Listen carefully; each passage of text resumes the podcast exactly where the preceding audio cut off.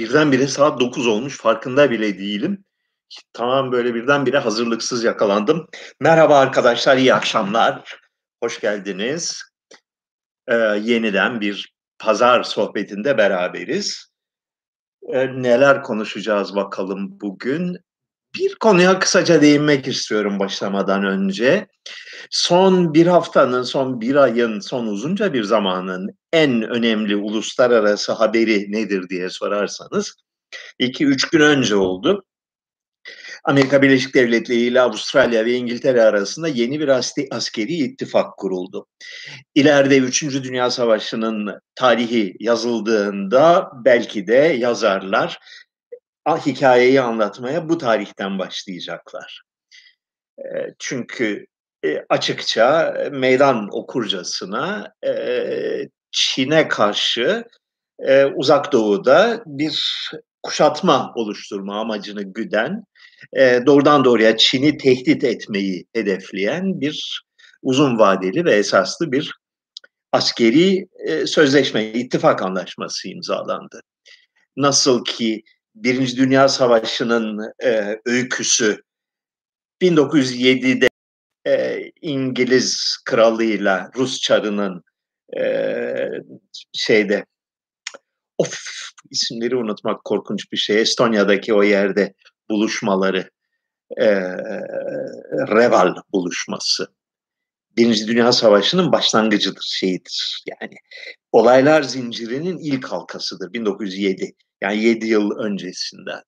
İkinci Dünya Savaşı'nın olaylar zincirinin ilk halkası e, birkaç halka sayılabilir fakat en önemlisi Molotov-Ribbentrop paktıdır. Yani savaş o güne kadar şiddetle birbirine düşman olan iki ülke Almanya ve Rusya birdenbire bütün dünyayı şoke edecek şekilde bir gün ilan ettiler ve dediler ki ya biz dost olduk dediler. Ve o gün savaş başlamıştı artık.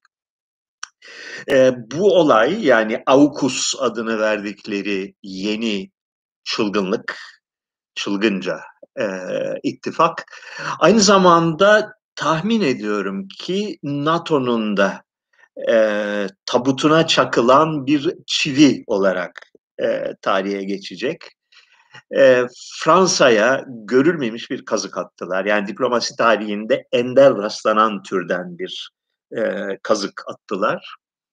E, Fransa'nın Avustralya ile yıllardan beri geliştirdiği, üzerinde çok çok önem verdiği, hayati önem verdiği bir denizaltı e, yapım sözleşmesini, 90 milyar dolarlık bir sözleşmeyi bir günde birdenbire çöpe atıverdiler ve Fransa kudurmuş görünüyor dünden beri şeyleri okuyorum. Yani Fransa Cumhurbaşkanı'nın, Dışişleri Bakanı Le Drian'ın, diplomatların, Avustralya'daki büyükelçinin vesairenin ve uzmanların e, demeçlerini okuyorum. Görülmemiş bir öfke ve ihanete uğrama hissiyle karşı karşıyalar.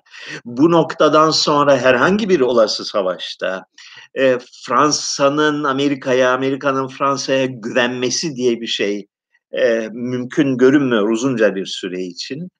Bu durumda NATO nasıl yürütülebilir?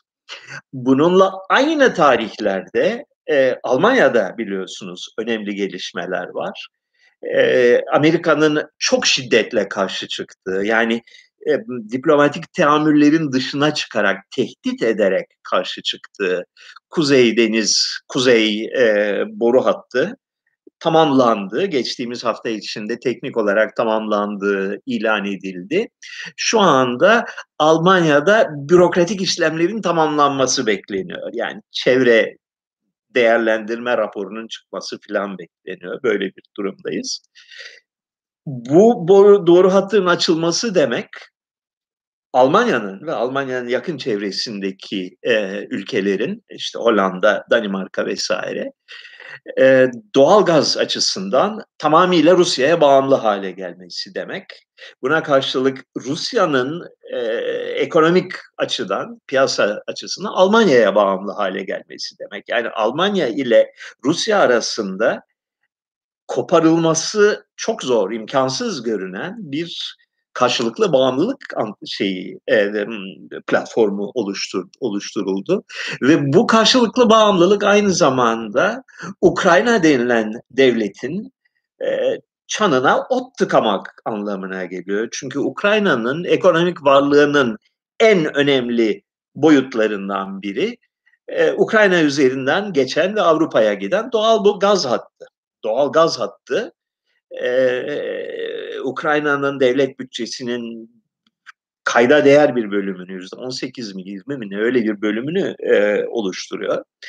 E, bu kuzey hattının oluşmasıyla birdenbire Ukrayna denklemden düşüyor. Yani Almanya Ukrayna'yı e, satmış oluyor. Bunun üzerine Ukrayna kalktı. Ukrayna Cumhurbaşkanı geçen hafta bundan söz etmiştim galiba. E, Rusya ile tam şeyli teşekküllü bir savaşı göze almalıyız, bunu hesaba katmalıyız gibisinden. Gene duyulmamış, görülmemiş bir beyanatta bulundu. Ruslar şey oldu manyak mısın oğlum yani ne oluyoruz gibisinden bir tavır gösterdiler ama herkes biliyor bunun, bunun ne anlama geldiğini. Yani arkadaşlar durum biraz vahim görünüyor. Ee, belki olur belki olmaz yani böyle şeyleri öngörmek mümkün değildir. İkinci Dünya Savaşı'nı savaştan birkaç hafta öncesine kadar öngörmek mümkün değildi. Birinci Dünya Savaşı'nı savaşın başladığı günden önce e, yani nedir? 31 Temmuz mudur? 1 Ağustos mudur? Öyle bir tarih. 1914'te e, hiç kimse aslına bakarsan inanmıyordu böyle bir savaşın çıkacağını. Yani e, İngiltere'nin, Fransa'nın, Almanya'nın ve Rusya'nın karar verici mercileri son dakikaya kadar e, karşı tarafın geri adım atacağına ve olayın bir şekilde tatlıya bağlanacağına inanıyorlardı. Ve kaçınılmaz bir mantıkla, karşılıklı bir tırmanmayla olay savaş noktasına geldi. Şey vardır biliyorsunuz bu standart Marksist çözümleme vardır. Birinci Dünya Savaşı paylaşım savaşıdır. Dünyayı paylaşmak için emperyalist güçler kendi aralarında savaş başlattılar. Nasıl bir paylaşmaysa çünkü bu savaşın sonunda hiçbir şeyi paylaşmadılar. Aksi, aksine bütün e, kolonilerini kaybetme durumuna geldi, noktasına geldiler. O ayrı bir mesele. Fakat şu, e, eğer amaç e, şeyi paylaşmak idiyse, paylaşım savaşı, dünyayı paylaşmak idiyse çok enteresan bir şekilde bu adımı atan, bu kararı veren kişilerin ifadelerine, yazışmalarına, kararnamelerine, yıllar sonra açıklanan belgelerine bakarsanız hepsi de böyle bir amaçtan habersiz görünüyor. Yani Birinci Dünya Savaşı'nın neden çıktığına dair 100 tane kitap okusan 100 tane ayrı açıklama var. Ee, kararları vermiş, düğmeye basmış olan kişilerin anılarına baktığın zaman her birinin anlattığı bir öykü var. Ve işin özeti hepsini alt alta koyup topladığında şu görünüyor. Hiç kimse bilmiyor o savaşın neden çıktığını. Herkes diğerini suçluyor. Yani Avusturya Macaristan Sırbistan'ı e, suçluyor, Rusya Avusturya Macaristan'ı suçluyor, Almanya Rusya'yı suçluyor, Fransa Almanya'yı suçluyor, İngiltere Almanya ve Fransa'yı suçluyor. Olayın özü bu.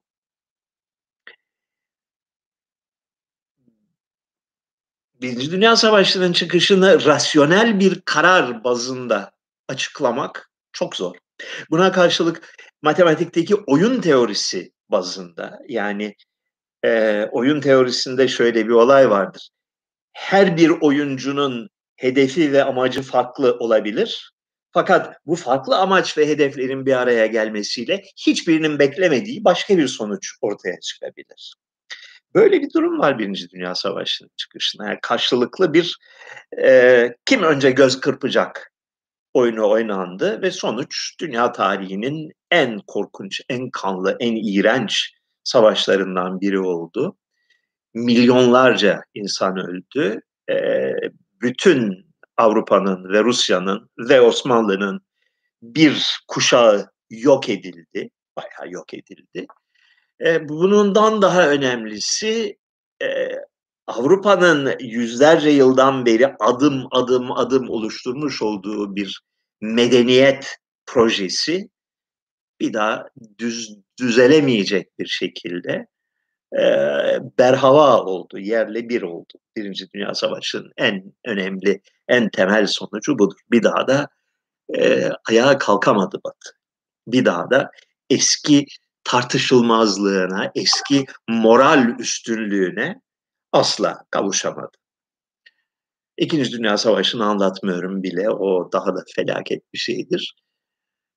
Üçüncüsünün adımları kararlılıkla atılıyor. Ve bunun önüne geçmenin bana öyle geliyor ki tek yolu var. O da Amerika Birleşik Devletleri'nin kontrolsüz e, saldırganlığına ve kontrolsüz özgüvenine e, bir şekilde ket vurulmasıdır. Yani bu savaşa biz girsek kazanabil, kazanamayabiliriz duygusunun e, Amerika Birleşik Devletleri'nde karar vericilerin aklına ve kalbine girmesi lazım. Başka türlü bu işin sonu kötü görünüyor. Adamızdan da bir haber vereyim. Samos adasında bir buçuk seneden beri sözü edilen yeni, modern, şık mülteci kampımız nihayet bugün değil dün e, hizmete açıldı. E, şöyle yaptılar. Bugüne kadar adamızdaki mülteciler ki bir ara 6 bine kadar çıkmıştı sayıları. Sonra azaldı bu sene 2000 civarında bir yere düştü.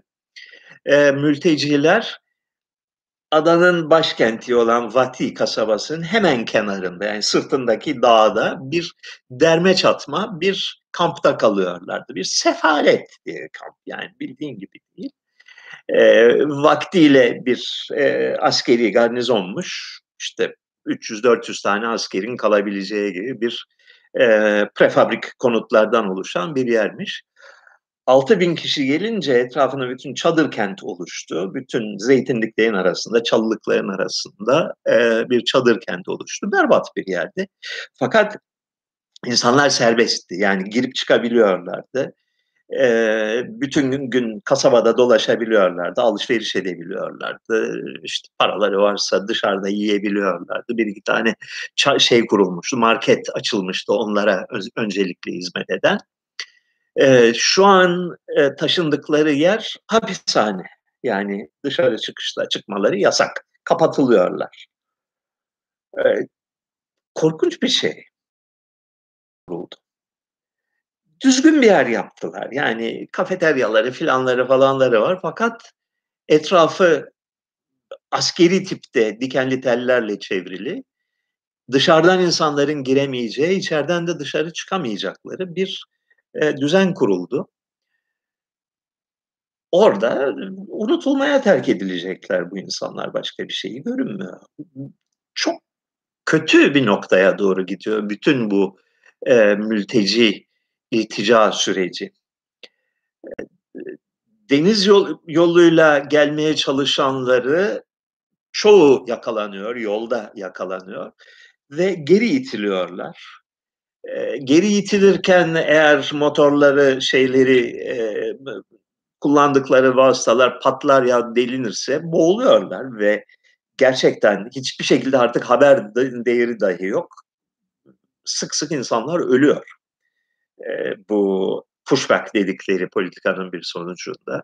Yani denizde boğulup kalıyorlar durmadan ceset çıkıyor bir yerlerden Ege Denizi'nden e, tamamen yasa dışı olduğu halde e, adaya ayak basan hatta yürüyerek gidip bir kasabaya, bir köye girip insanlarla konuşan ve orada polisi çağırıp teslim edilen olan insanlar dahi e, tamamen yasa dışı bir şekilde geri gönderiliyorlar. E, yani durum vahim, durum kötü. Burada ne yapabiliriz, nasıl bu duruma müdahale edebiliriz diye düşünen arkadaşlar var. Eee, ne yapılabilir bilmiyorum.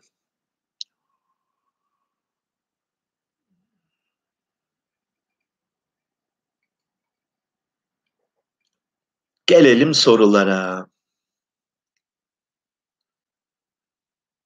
Natural Language Processing hakkındaki görüşleriniz nelerdir? Bilgisayarların insan dillerini anlaması peşinde koşmak sizce beyhude bir çaba mıdır? Ee, çok bilgim olan bir teknik, bir bilgim olmayan bir teknik bir konu. Natural Language Processing'de tam olarak kastedilen nedir?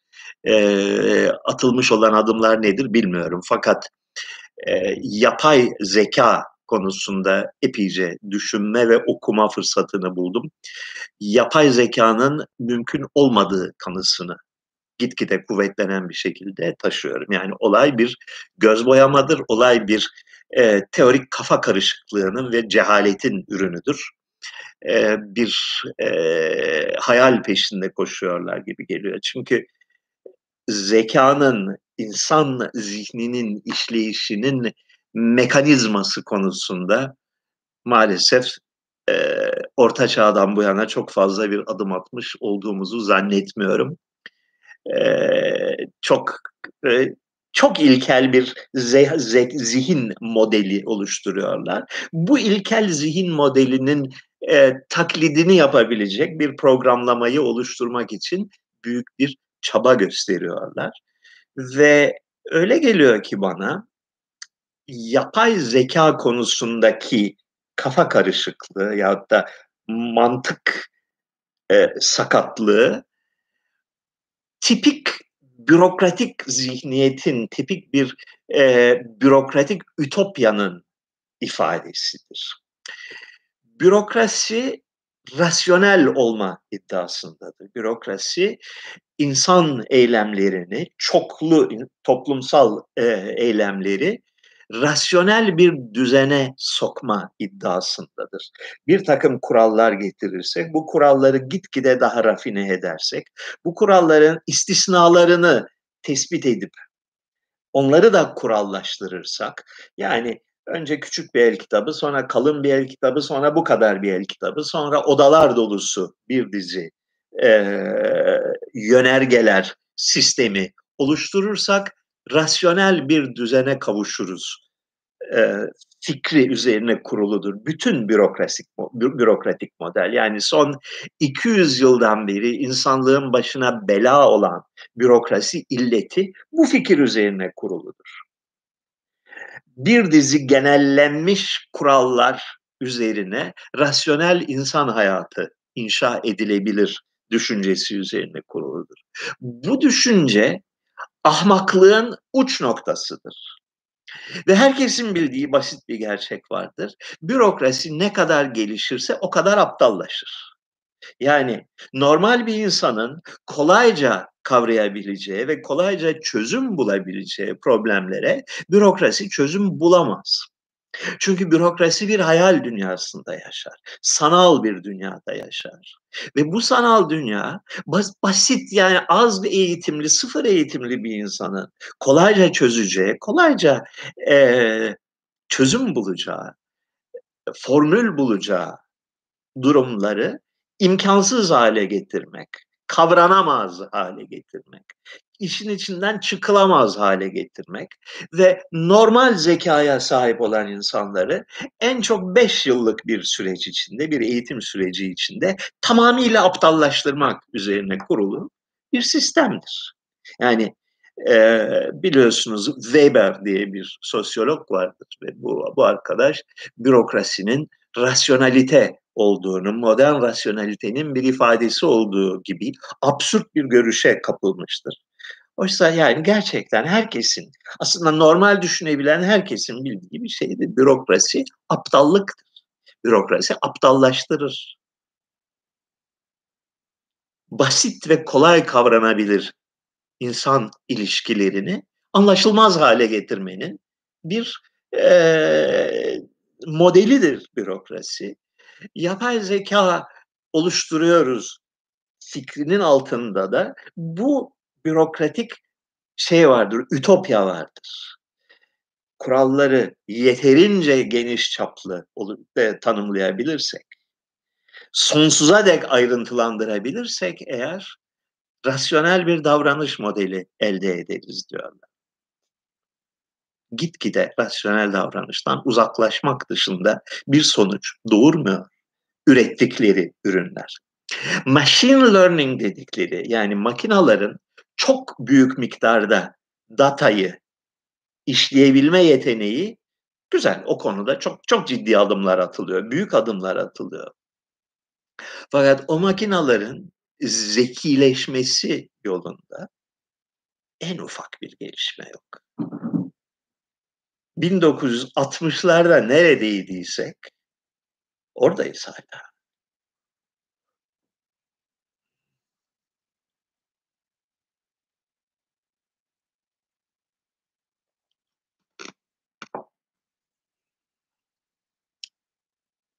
Bir de çağdaş bilimsel düşüncenin şaheserlerine bir başka örnek. Bundan söz ettim mi? Çünkü bir birkaç haftadır kafamda olan bir örnek. Bu daha önce bunu konuyu açtım mı açmadım mı bilmiyorum. Ee, şöyle bir argüman var piyasada. 1930'lardan beri bu bu argüman duyuluyor. Çok koskoca bilim insanları bunu diyorlar. Diyorlar ki e, evrende bilmem kaç trilyon yıldız var. Bilmem kaç trilyon çarpı bilmem kaç milyon e, gezegen var. Yani devasa bir örneklenme nüfusu var önümüzde. Ee, yaşam denilen hadiseyi oluşturan bir dizi kimyasal ve fiziksel ve biyolojik rastlantı matematiksel olarak ortaya koyduğumuzda mutlaka mutlaka en azından birkaç tane başka gezegende de oluşmuş olmalıdır. Sırf istatistik bazında, sırf modelleme bazında. Oysa ki aynı argümanı şu şekilde de yapabilirsin. Yani e, evet trilyonlarca şey var, sonsuza yakın e, planet var. Bunlarda ihtimal olarak belki e, bir tanesinde, on tanesinde, yüz tanesinde yaşam oluşmuştur. E, belki aynı şekilde aynı ihtimal hesapları gereğince daha küçük bir ihtimal dahi olsa e, en azından bir tanesinde zürafa e, nesli de üremiştir. Hatta ve hatta belki zürafa bonzo örneği de belki orada üremiştir.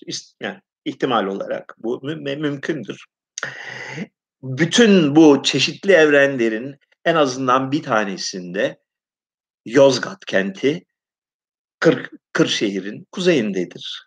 Diğerlerinde bazen güneyinde de olabilir. Aynı mantık. Aynı mantıkla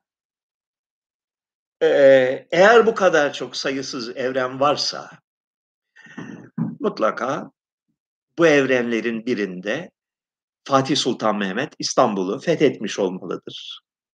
En az bir örnekte Fatih Sultan Mehmet İstanbul'u bir salı günü fethetmiş olmalıdır. Aynı, aynı mantık. Aynı argüman. Budalaca bir argüman. Yani komple budalaca bir argüman. Bu tür argümanları ciddiye alan bir bilim dünyasına ne kadar saygı gösterebiliriz? Ne kadar sağduyularına güvenebiliriz? O konuda biraz kuşkuluyuz. Neden dünyada akraba evliliğinin en sık görüldüğü yerler İslam ülkeleridir diye sormuş bir arkadaş. Bu çok doğru değil. Özellikle İran kültürünün bir e, tezahürü akraba evliliği.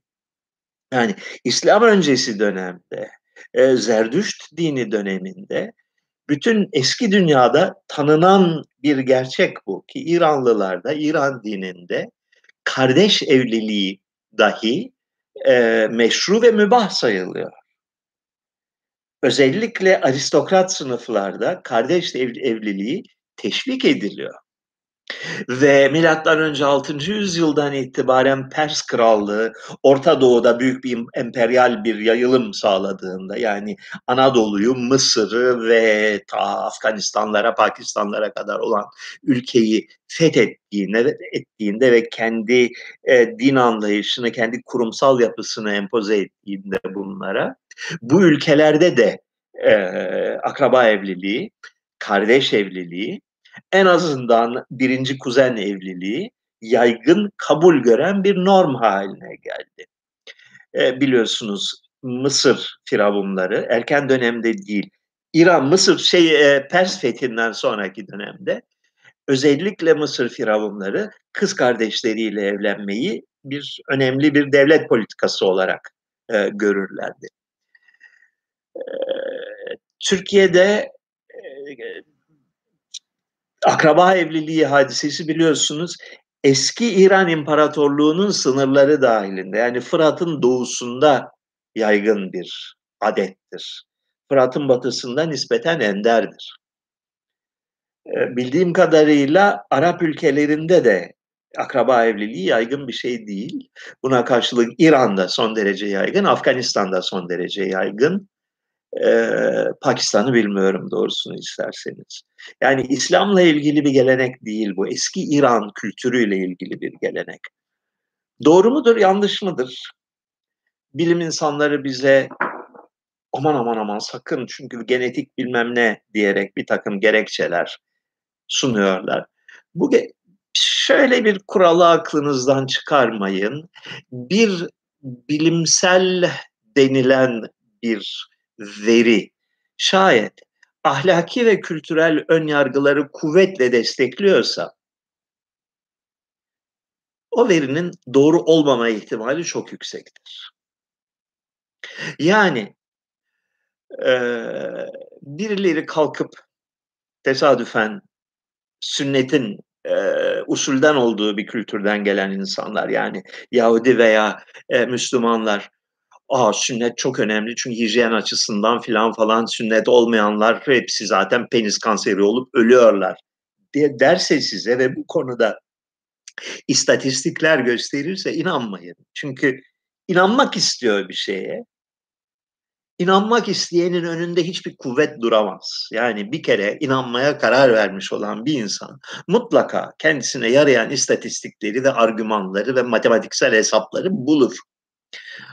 Onun gibi e, kardeş ve akraba evliliğinin insan soyunda, insan soyunun büyük bir bölümünde, birçok kültürde, Avrupa kültüründe, e, o Afrika kültürlerinde yasaklanmış olması, Çin kültüründe yasaklanmış olması, bu yasağın bilimsel, biyolojik bir temeli olduğunu göstermez. Yani genetikçilerin bir takım ileri sürdükleri gerekçeler var. Yani e, mantıklı görünüyor bu gerek, gerekçeler.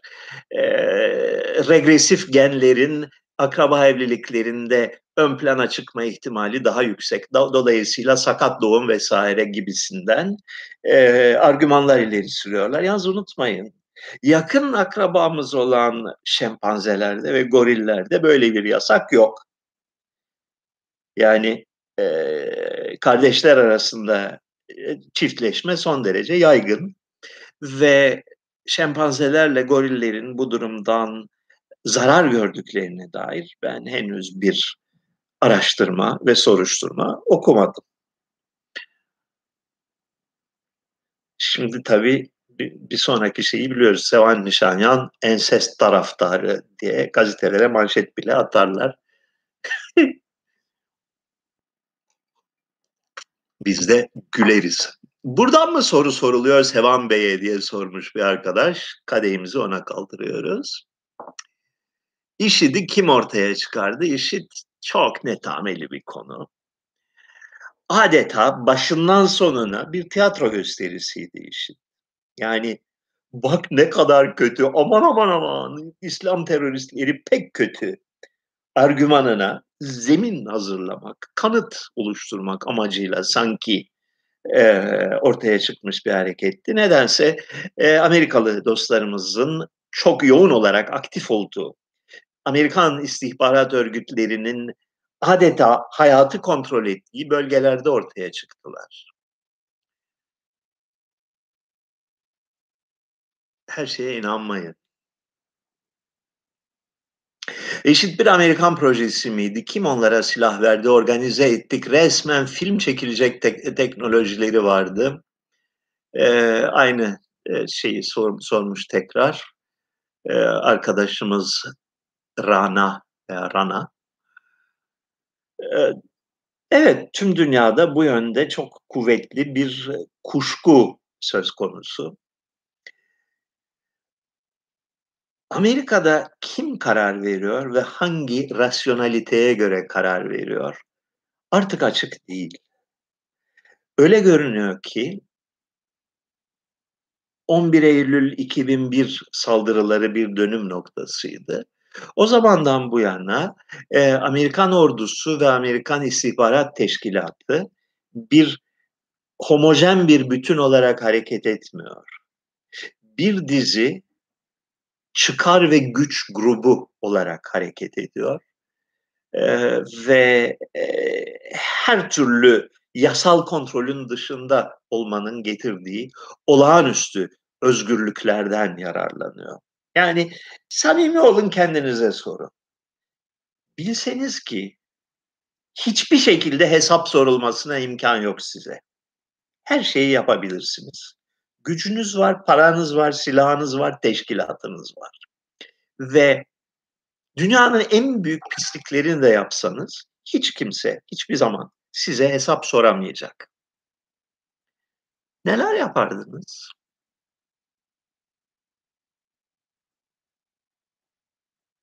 Ben her şeye rağmen yüksek ideallerimi korur ve ahlaklı davranırım diyorsanız eğer yalan konuşuyorsunuz. Çok feci yalan konuşuyorsunuz. Çünkü insanoğlu öyle bir mahluk değil. İnsanoğlu mecbur olduğu şeylere, mecbur olduğu şeylerin, dur cümleyi kurayım, mecbur olduğu şeyleri kendi iradesiyle isteyerek yaptığına kendisini inandırır. Yani adam öldürdüğünde eğer hayatın sikiliyorsa adam öldürmezsin, korkarsın adam öldürmekten ve e, ahlaken çok doğru bir iş yaptığına kendini inandırırsın. Ben zaten bana imkan da verirse adam öldürmem katiyen diyerek kendi kendine bir masal anlatır ve bu masala inanırsın. O gücü ele, ele geçirdiğin zaman ne olacağını merak etmekte fayda var.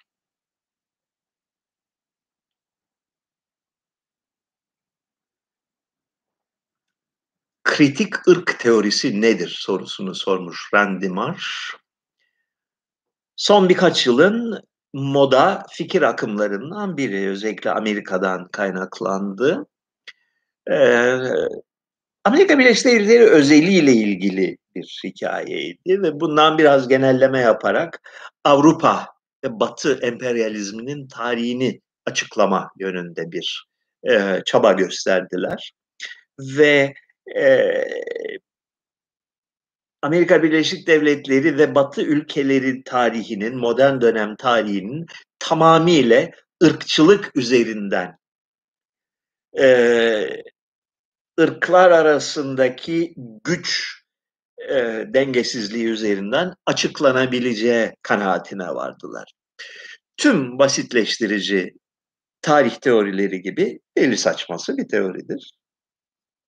Bu tür teoriler aslında var olan tarih bilgine yeni bir boyut ekleme, bir başka açıdan da bakma imkanı verdikleri sürece iyidir, faydalıdır. Yani e, tarih teorilerinin üretilmesi ve her bir tarih teorisiyle var olan tarihi bilgi dağarcığımıza yeni bir açıdan, yeni bir noktadan, başka bir noktadan, başka bir e, teorik çerçeveden bakmak insana fikir açıklığı ve fikir zenginliği verir.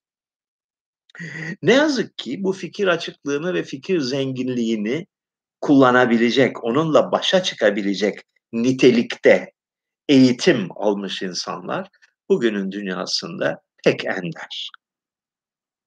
Çok ender. Yok gibi bir şey. Var, var da çoğu, büyük çoğunluğu e, bezmiş durumda. Kamusal alanı kaybettiler. Kenara çekildiler. Eleştirel bakabilen çok insan var. Hatta kitap da yazan, makale de yazan çok insan var. Fakat sesleri artık duyulmuyor. Çok acıklı bir şeydir. E sesleri duyulmayınca kendileri de bir şey yapıyorlar ya ama boş ver şimdi boşuna konuşup ne lüzumu var. Ben köşeme çekileyim.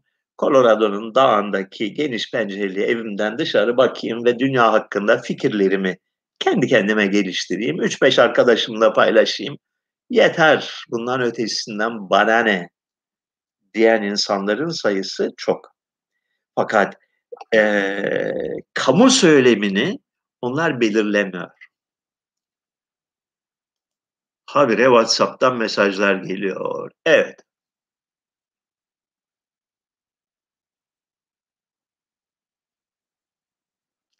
Çin'deki Evergrande'nin barışı hakkında biliyorsunuz yabancı basın olayı nasıl alıyor hiçbir fikrim yok. Ne, ne soruyu anlamadım. Evergrande'nin batışı nedir? Barışı mıdır? Ee, hocam Hristiyan azizler kültü ile evliya yatır geleneği aynı nane mi?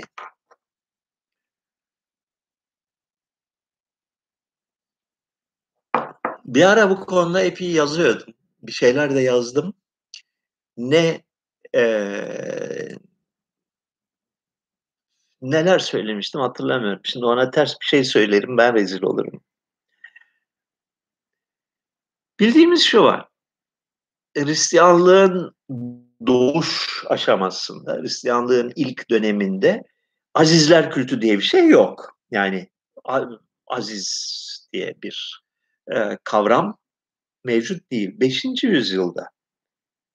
Dört müydü acaba, beş miydi? Tam bir, yani spesifik bir tarihten itibaren bir çılgınlık gibi, bir delirme halinde aslına bakarsan Hristiyanlıkla alakası olmayan bir din bütün Hristiyan alemine yayıldı. Her köyün, her kasabanın, her bölgenin, her mesleğin, her çevrenin, her toplumsal grubun azizleri oluştu. Ee, dördüncü yüzyılın başlarından veya ortalarından ibarettir. Yani Diokletianus e, eziyetlerinden kısa bir süre sonra 320-330'larda başlamıştır bu hadise. Tüm Hristiyan alemi yani o tarih itibariyle e, Fransa'dan, İspanya'dan, İtalya'dan Anadolu ve Orta Doğu'ya, Suriye'ye kadar, Ermenistan'a kadar olan bölgede bir e, toplumsal isteri halinde her kasabanın kendi azizi de aziz menkıbesi var. E, bu azizlerin eşyaları, bu azizlerin bedenlerinin, ölümlü bedenlerinin kalıntıları yeryüzünde olabileceği en değerli şey sayılıyor. Bunları ele geçirmek, bunları elde etmek, hatta bunları çalmak için insanlar olağanüstü çabalar ve e, hırslar gösteriyorlar. Her kasabaya, her köye bir aziz türbesi yapılıyor ve enteresandır ki kilise mimarisi e, ilk Hristiyanların toplantı yeri mimarisinden türememiştir. Türbe mimarisinden türemiştir. Yani Evliya Aziz Türbesi hikayelerinden türemiştir. Azizlerin şöyle bir ortak özelliği var. Yani eski antik dünyada da her kasabanın, her köyün, her bölgenin, her aşiretin kendi tanrıları vardı. Çünkü bu tanrılar onların simgesel atalarıydı. Atalarından türemişti tanrılar. e, tanrılardan farklı olarak Hristiyan azizliğinin özelliği hepsinin ölmüş olmasıdır. Yani ancak ölmüş kişiler aziz mertebesine yükselirler. Ve tercihan çoğu acı çekerek, aşağılanarak, e, yenilerek, ezilerek ölmüş insanlardır. Bu çok yepyeni bir hadise. Yani antik Yunan, antik Akdeniz kültürlerinin e, gelenekleriyle alakası olmayan bir şey. Çünkü eski Yunan tanrıları her zaman güçlüdür, her zaman e, havalıdırlar, güzeldirler, ölümsüzdürler. E, bir oturuşta 50 kişiyle yatarlar. Güçlüdürler çünkü. Oysa ki Hristiyan azizlerin ortak özelliği hepsinin de mağdur olmasıdır, ağlak olmalarıdır. Bu nasıl bir psikoloji dönmesidir? Nasıl bir aniden bütün bir bir ülke de değil yani bütün bir kültür, bütün bir coğrafya böyle bir e, açı farklılığına, açı değişimine uğrar. Çok enteresan bir hadise. Anadolu'da e, evliya yatırlarının çok büyük bir bölümü, bayağı ciddi bir bölümü, e, eski Hristiyan aziz kültlerinin birebir devamıdır. Yani Kapadokya'da Aziz Mamas, Hacı Bektaş haline gelmiştir. Aziz Mamas'ın bütün simgeleri, Aziz Mamas'ın e, menkıbeleri Hacı Bektaş'a aktarılmıştır. Bunun gibi bir sürü örnek var. Yani bir ara bunları böyle şak şak şak sayabiliyordum şu anda. Bir hatırlamam lazım, makalelere bakmam lazım. Mecit Özünde Elvan Gazi. Oradaki Aziz Teodor kültünün üzerine gelmiş. Yani Aziz Teodor Çorum Mecit Özü bölgesinin, Amasya bölgesinin Bizans dönemindeki en önemli dini hadisesi ve türbesi e, Mecit Özü'ne yakın orada bir kasaba var. Adını şu anda hatırlayamayacağım.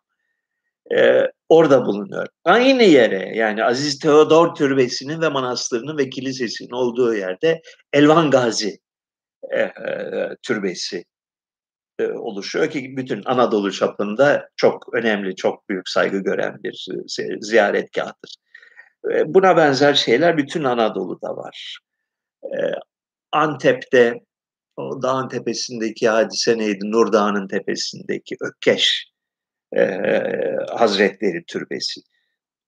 Doğrudan doğruya bir Hristiyan aziz yatırından aktarılmış e,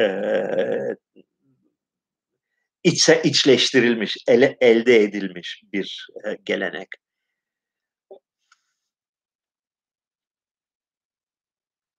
Bir önemli farkı var. İslam evliyaları ölmeden önce de evliyalık mertebesine yükseliyorlar. Yani ölmeleri şart değil. Ee, evliya ol evliya olmak için, evliya e, kerameti gösterebilmeleri için. Başka bazı farklar da var. Yani detaylar önemlidir bu işlerde. Yani birebir devamıdır diyemezsin. Bir transformasyonudur diyebilirsin. Yani Anadolu halkının iliklerine işlemiş olan ve Hristiyanlıktan çok daha köklü bir başka gelenek olan azizler kültü e, yine İslam'dan e, Kur'an'daki İslam'dan farklı bir gelenek, farklı bir din olan evliya kültüne evrilmiş fakat birebir aktarılmış değil. Bir, bir takım dönüşümlere uğradıktan sonra aktarılmış. Bunun üzerine bayağı doktora tezi yazılabilir. Aslında bir ara benim oğlan Arsen doktora tezi konusu arıyordu. Bunu önerdim kendisine. Ee, sonunda yazmadı. Belki daha yazar ileride bilmiyorum. İtalya Mussolini'sinin faşist partisi o dönem Türkiye'sine ne kadar esin kaynağı oldu. Mussolini idam edildiğinde sevgilisi de onunla beraber idam ediliyor. Neden? İki ayrı soru.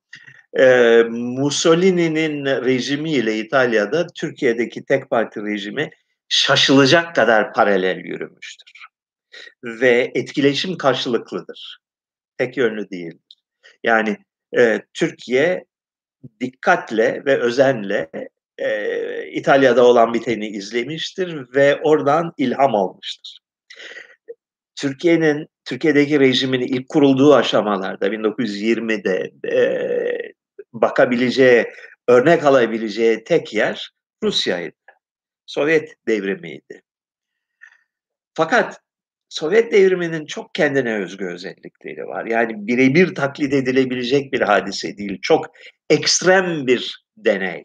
Başka ülkeler için e, tehlikesi cazibesinden daha fazla olan bir deney, bir sosyal deney. İtalya'da Mussolini bir alternatif model sundu. Yani totalitarizmin bir e, farklı modelini, daha yumuşak bir modelini sundu. İtalya şeydeki Sovyetler Birliği'nden birçok fikir aldı e, Mussolini. Kendisi de biliyorsunuz sosyalistti gençliğinde, Marksist sosyalistti. E, Lenin'in devriminden e, feyz aldı, ilham aldı fakat başka bir çizgiye gitti. E, özel teşebbüsü yani özel sermayeyi ortadan kaldırmak yerine onların gözünü korkutmak ve rejim güdümünü almak yoluna gitti. Halkın dini gelenek ve duygularını ezip yok etmenin makul bir yol olmadığı kanaatine yani son semeresiz bir yol yöntem olduğu kanaatine vardı. Onun yerine Katolik kilisesini boyun eğdirmek, Katolik kilisesini faşiz, faşizmin söylemine ve hedeflerine e, hizmetkar hale getirme yolunu seçti. Türkiye her aşamada yani faşistlerin iktidarı ele geçirişi, faşistlerin diğer partileri yasaklayıp kapatması, faşistlerin bir takım göstermelik mahkemelerle e, muhalefeti sindirmesi, terörize etmesi. E, bütün bu teknikleri dikkatle izlediler ve taklit ettiler e, Türkiye'de. İtalyanların da Türkiye deneyimine büsbütün şey olmadıkları, e, duyarsız olmadıkları anlaşılıyor. Yani karşılıklı bir etkileşim var. E, başka rejimler de var o dönemde. E, Polonya'da Pilsudski'nin de, devrimi ve e, yönetimi o dönemde çok ilgi çekmişti. 33'ten sonra Hitler geldi devreye ve Hitler de bu sefer diğer uçtan bir aşırı örnek. Yani taklit edilmesi çok güç, ilham alınabilen fakat tamamıyla e, taklit edilemeyecek bir Almanya'ya özgü bir e, model sundu Hitler'de. Bu karşılıklı etkileşimler vardır. Mussolini'nin sevgilisi Clara Petacci niye, niye idam edildi? Doğrusunu isterseniz bilmiyorum yani bilmem lazım aslında çünkü okumuştum bütün o şeyleri. Çok çarpıcıdır Mussolini'nin e, son bir, bir, bir buçuk yılı. E, biliyorsunuz İtalya'yı güneyden müttefikler işgal etmeye başladılar. Bir darbeyle Mussolini devrildi ve yerine geçen hükümet Amerikalılara ve İngilizlere teslim olma taraftarıydı. Savaşı sonlandırma taraftarıydı. 43 yılında oluyor bu. Fakat Almanlar bir karşı darbeyle e, ülkeye el koydular. E, Mussolini tutuklanmıştı. Mussolini'yi kurtardılar. Kendileri esir aldılar. Görünürde Mussolini rejimin başı olarak kaldı. Fakat Kuzey İtalya'da e, Como Gölü kıyısındaki küçük bir kasabada bir yıl kadar aslında Almanların elinde esirdi. Almanlar yenilince son savaşın son günlerinde 1945'te Mussolini çevresindeki birkaç kişiyle birlikte kaçmayı denedi. Bir arabaya sığışıp dağ yollarından gitmeyi belki de e, Amerikalılara teslim olmayı e, planladı.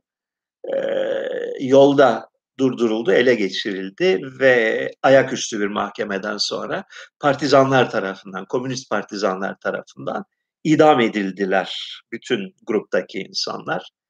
Ee, sevgilisi de beraber olmak üzere. Sevgilisinin suçu neydi hatırlamıyorum doğrusunu isterseniz.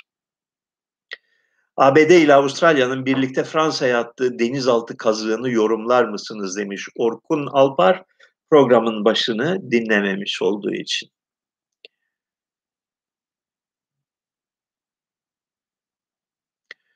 Türkiye Cumhuriyeti'nde sınıf farkları insanların gözüne sokulurken Yunanistan'da dediğinize göre böyle derin ayrımlar yok. Tıpkı Batı ve Kuzey Avrupa ülkeleri gibi. Nasıl oldu da ayrıştı iki ülke bu konuda? Güzel bir soru. Yunanistan'la Türkiye arasındaki en belirgin, en çarpıcı, en yani e, hayali, hayati temel ayrım bu.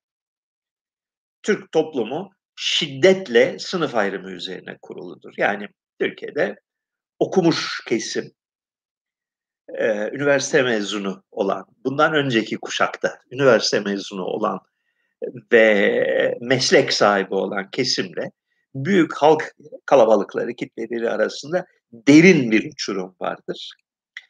E, bu iki sınıftan iki insanın konuşmasını, aralarındaki sohbeti objektif bir gözle, bir antropolog gözüyle dinlerseniz tüyleriniz diken diken olur. Çünkü iki ayrı dil konuşurlar.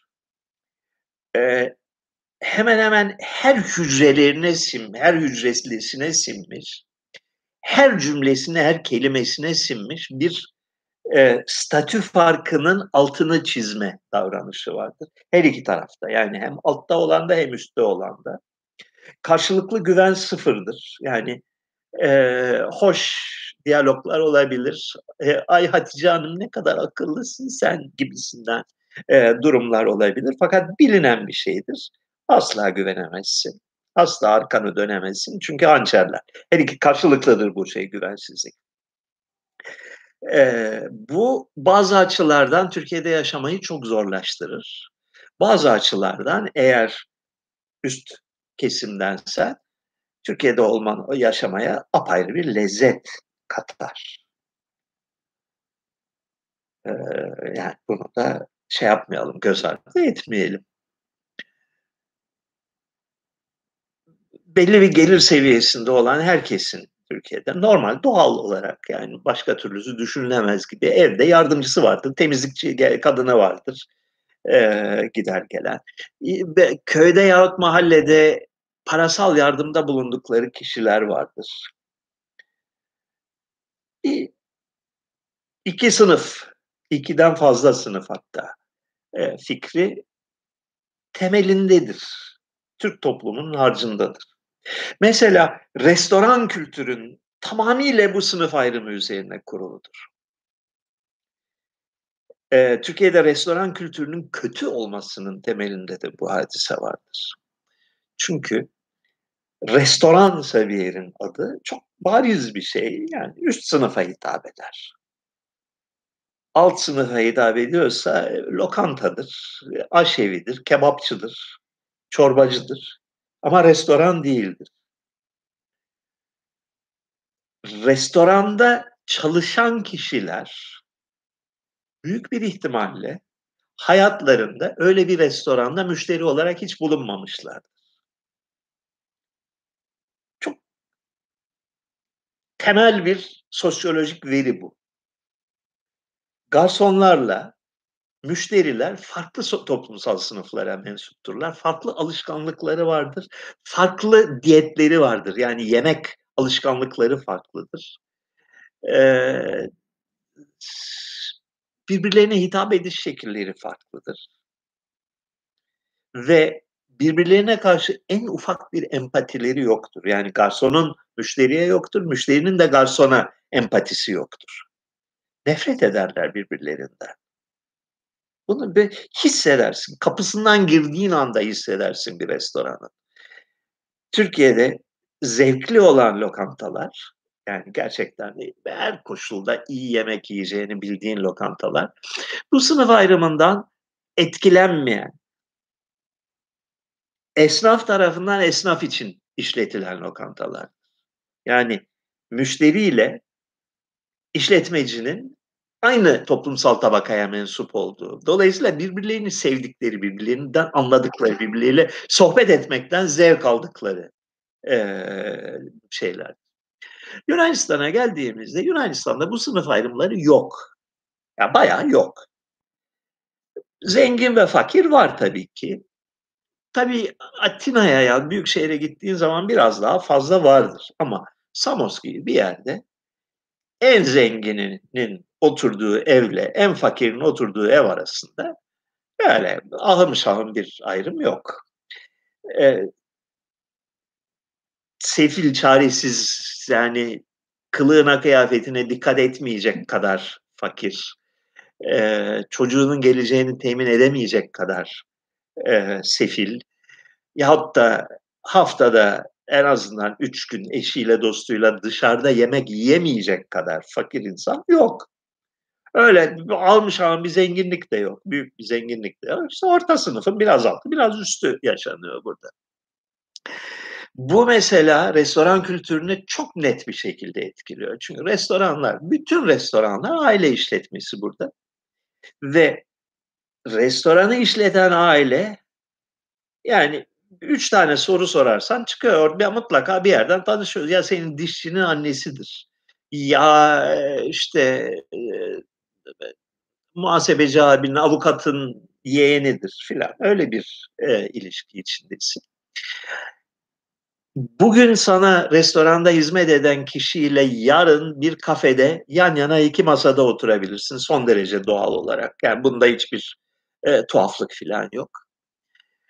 Senin evine işçi olarak gelen insanlar saat 3'ten sonra e, mesai biraz yap da şu işi bitirelim dediğin zaman e, kusura bakmayın e, eşime verilmiş sözüm var denize gideceğiz cevabını verir sana. Böyle bir e, kültür. Olumlu yanları var, olumsuz yanları var bunun.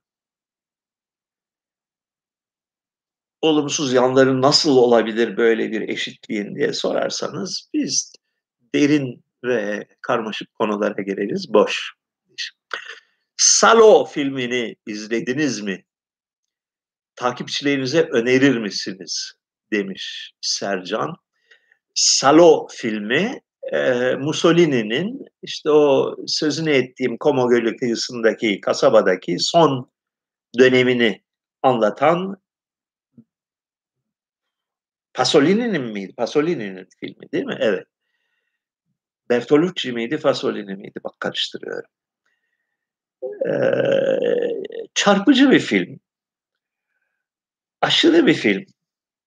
Yani 1970'lerde veya 80'lerin başında o film çıktığında wow demiştik. Yani bu denli cesur, bu denli alışılmışın dışında e, sapık bir film, büyük sanat eseri demiştik de. Şimdi aradan geçen 40 yılda sapıklık modaları değişti.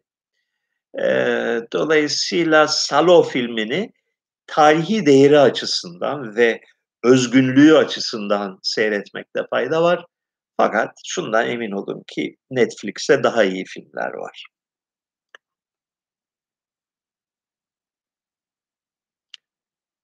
Ne diyorduk bakalım yukarıdan gelen sorular. Geçenlerde Yunan bir profesörü izlemiştim. Türkiye ile Yunanistan'ın uzun vadede birleşeceğini söylüyordu. Sizce bu teori gerçekleşirse Ermenistan için de geçerli olabilir mi? Sevgili arkadaşlar 1780'lerden 90'lardan beri hep bu, bu umut vardır.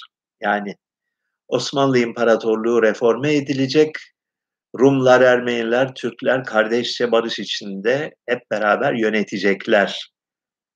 Umudu ölmez, 200 küsur senedir bir bok da olmaz. Yani öyle bir şey olmuyor. E, çünkü aradaki merkez kaç güçler merkeze doğru çeken güçlerden daha kuvvetli.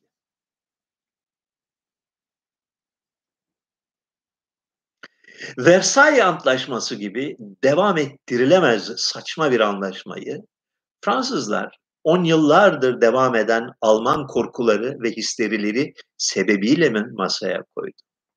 Diğerleri bunu nasıl kabul etti? Yani Birinci Dünya Savaşı'nı sonlandıran antlaşma bir kahredici bir antlaşmadır. Yani Almanların burnunu böyle sürtmek amacını güden bir antlaşmadır. Ee, daha imzalandığı gün aklı başında olan herkes ya bu sürdürülebilir bir şey değil bunu yapamayız e, fikrini beyan etmişti. Buna rağmen o antlaşma imzalandı ve o antlaşmanın nedeniyledir ki Almanya'da e, Nazi rövanşizmi daha birinci günden itibaren büyük e, destek ve coşku ile kabul gördü. Açıklaması nedir diye sorusunun cevabı ben size söyleyeyim. Tarihteki aşağı yukarı her şeyin açıklaması aptallıktır. İnsanlar akılsız mahluklar. İnsanlar kendilerine e, bir vizyon ve akıl ve teori ve uzmanlık süsü vermeyi severler. Aslında hepsi de dünyada ne olup bittiğini anlamaya çalışan ve çaresiz olan birer çocuktur. Birinci Dünya Savaşı'nın başlangıcı, Birinci Dünya Savaşı'nın dört yıllık inanılmaz ahmaklığı ve Birinci Dünya Savaşı'ndan sonra bir buçuk senede zor zar zor oluşturulan antlaşmalar çerçevesi ancak ve ancak akılsızlıkla açıklanabilir. Gaza getirdiler kendilerini. Birinci Dünya Savaşı korkunç derecede kanlı bir savaştı. Yani böyle bir kıyma makinesi gibi bir hadiseydi. İnsanlar böyle milyonlarca insan o kıyma makinesinin içine girdi ve et yığını olarak çöpe atıldı. Ve savaşın sonunda bir kere her şeyden önce insanlar, yöneticiler şey korkusu içindeydiler. Bunun hesabı sorulacak bizler. Savaş son gününe kadar başa baş cereyan etti ve sonuçta her iki tarafta artık tükendiği için, bittiği için sona erdi ve e, hasbel kadar Almanya yenilmiş oldu. Yenildi. Fakat bu yenilgi bir şey değildi, bir e, kahredici bir hezimet değildi. Tartışmasız bir şekilde yenilmedi Almanya. Son güne kadar kazanıyoruz, kazanıyoruz. Aa, ne oldu? Aa bütün ordularımız dağılmış dediler ve yenildiler. Bunun üzerine bir kahır antlaşması kurmak yani Almanların e, kökünden yani bir daha düzelemeyecek şekilde e, yenildiklerine hükmedip ona göre koşullar dayamak yani bayağı bir soygun antlaşmasıdır Versay Antlaşması. Önümüzdeki 40 sene boyunca Almanlar bütün eşekler gibi çalışacaklar ve her şeyi bize ödeyecekler antlaşmasıdır. Ordularını tasfiye edecekler. E, jandarma gücü bile bulunduramayacaklar. Biz karar vereceğiz onların nasıl yönetil yönetileceğine ve tüm mal varlıkları, tüm endüstrileri ve tüm finans varlıkları bizim emrimize amade olacak dediler. Almanların da çaresi yoktu. Kabul etti bunu. İlk fırsatta yani aradan 5-10 sene geçmeden deldiler ve çevirdiler antlaşmayı. Akılsızlıktan başka bir açıklaması yok. Yani e, Paris Barış Konferansı'na katılan kişileri Lloyd George'u e, Fransız özellikle İtalyan e, delegasyonunu özellikle Amerikan delegasyonunu incelediğim zaman ki bayağı çok çok miktarda yayın var o konuda. Salak lan bunlar duygusunu çok kuvvetli. Megalomaninin getirdiği e, olayları kavrayış eksikliği belirleyici oldu diye düşünüyorum.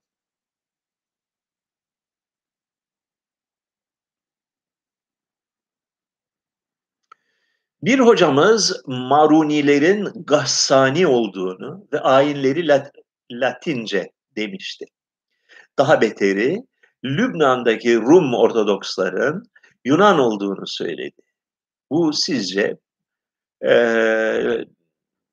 siyaset biliminin Türkiye'deki vasatlığının göstergesi değil midir? Neyin göstergesidir bilmiyorum. Bunu e, öğretmeniniz kimdir? E, hangi bağlamda söyledi? Neyi kastetti? E, siz doğru anladınız ve doğru aktardınız mı bunları bilmiyorum. E, Maruniler biliyorsunuz e, Lübnan'ın egemen halkıdır. Katoliktirler. Şey Katoliktirler, Yunyat Katoliktirler. Yani Katolik Kilisesi'nden farklı gelenek ve görenekleri vardır. Fakat Papa'yı ve Katolik hiyerarşisini tanırlar. Onları, onlarla din kardeşliği içindedirler.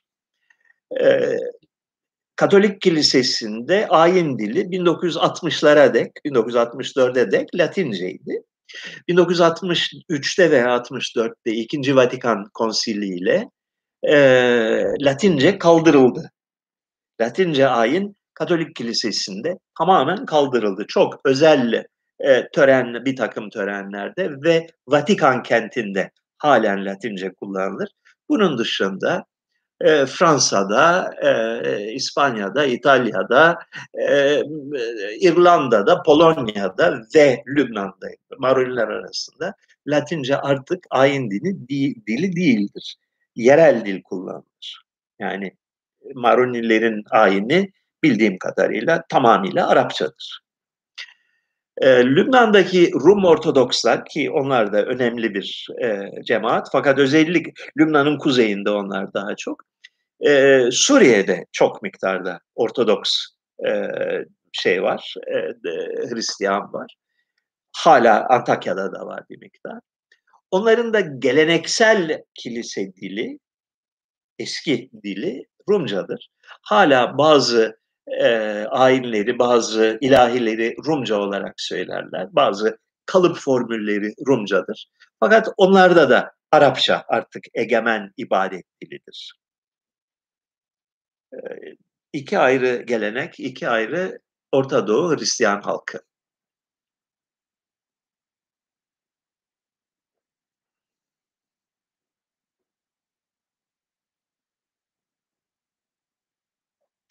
Hocam çok merak ettiğim ve kaynak bulamadığım bir konu. 20. yüzyıl başında Gaziantep ve Halfeti'de Süryani cemaati kalmamıştı. Bu bölgedeki Süryanilere ne oldu tam olarak? ne zaman yok oldular? Çok somut bir bilgim yok.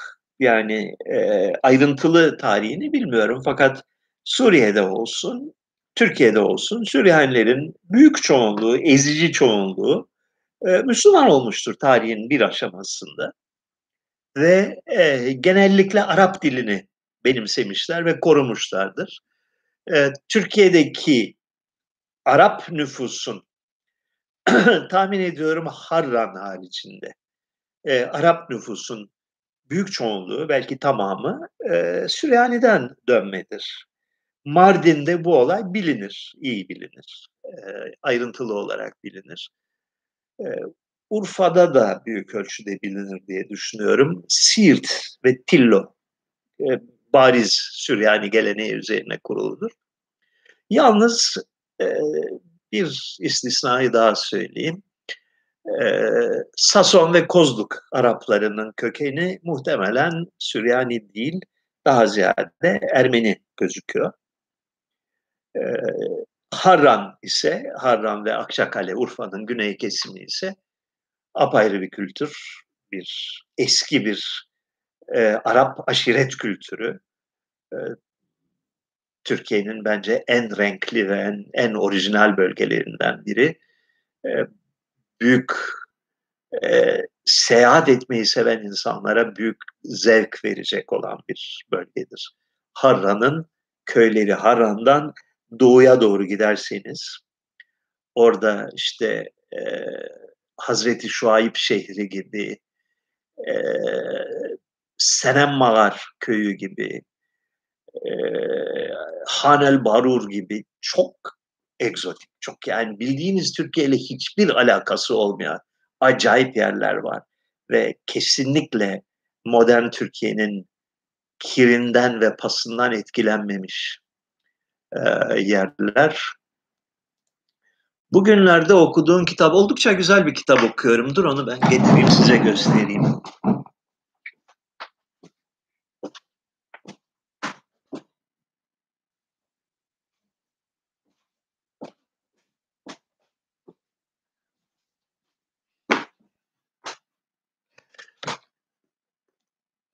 Bakayım görünüyor mu?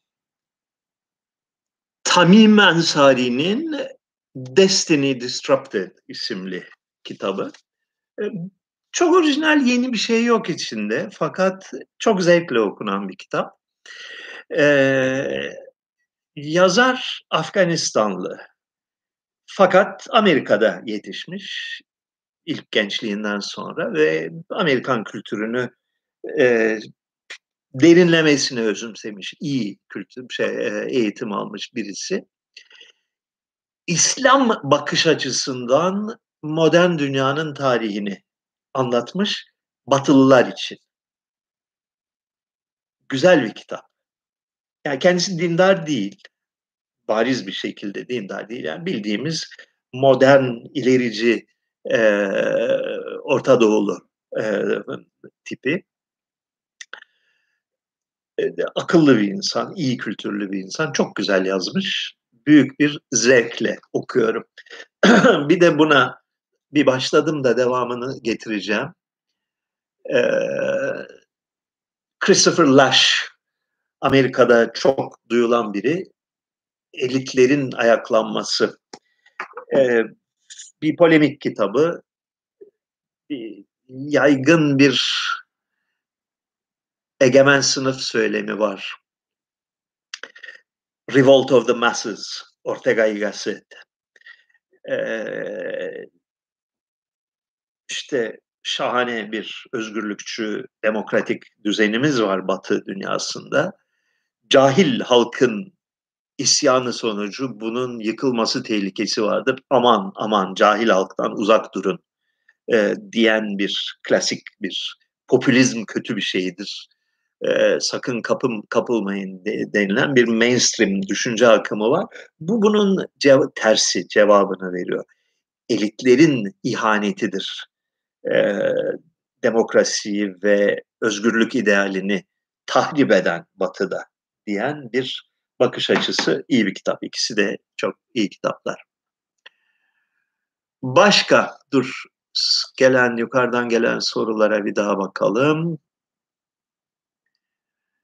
Günel Mehmedova sırf Ermeni olduğunuz için sizi reddeden Türk kızı oldu mu diye sormuş. Cevabı hayırdır. Her zaman Ermeni olmanın ekmeğini yedim. Ee, her sınıf ve zümreden Türk kızları açısından cazip bir özellik. Yani seksi bir şey. Bunu tecrübeyle size söyleyebilirim hiç bunu problem eden olmadı. Buna karşılık tam tersine bunu özellikle e, tercih eden birçok insanla karşılaştım hayatımda. Bir saat 13 dakika sevgili arkadaşlar sizlere sunuyorum. E, hafta içi gene bir iki tane makale okuması yaparım. Haftaya da pazar günü görüşürüz. Eğer istifade ediyorsanız, eğer bu adam ne güzel bak konuşuyor, bize bir şeyler anlatmaya çalışıyor, sesi bile kısılıyor konuşmaktan diye düşünüyorsanız Patreon'a girin lütfen ve başka da çok gelirim olmadığını aklınızdan çıkarmayın. İyi günler, iyi akşamlar.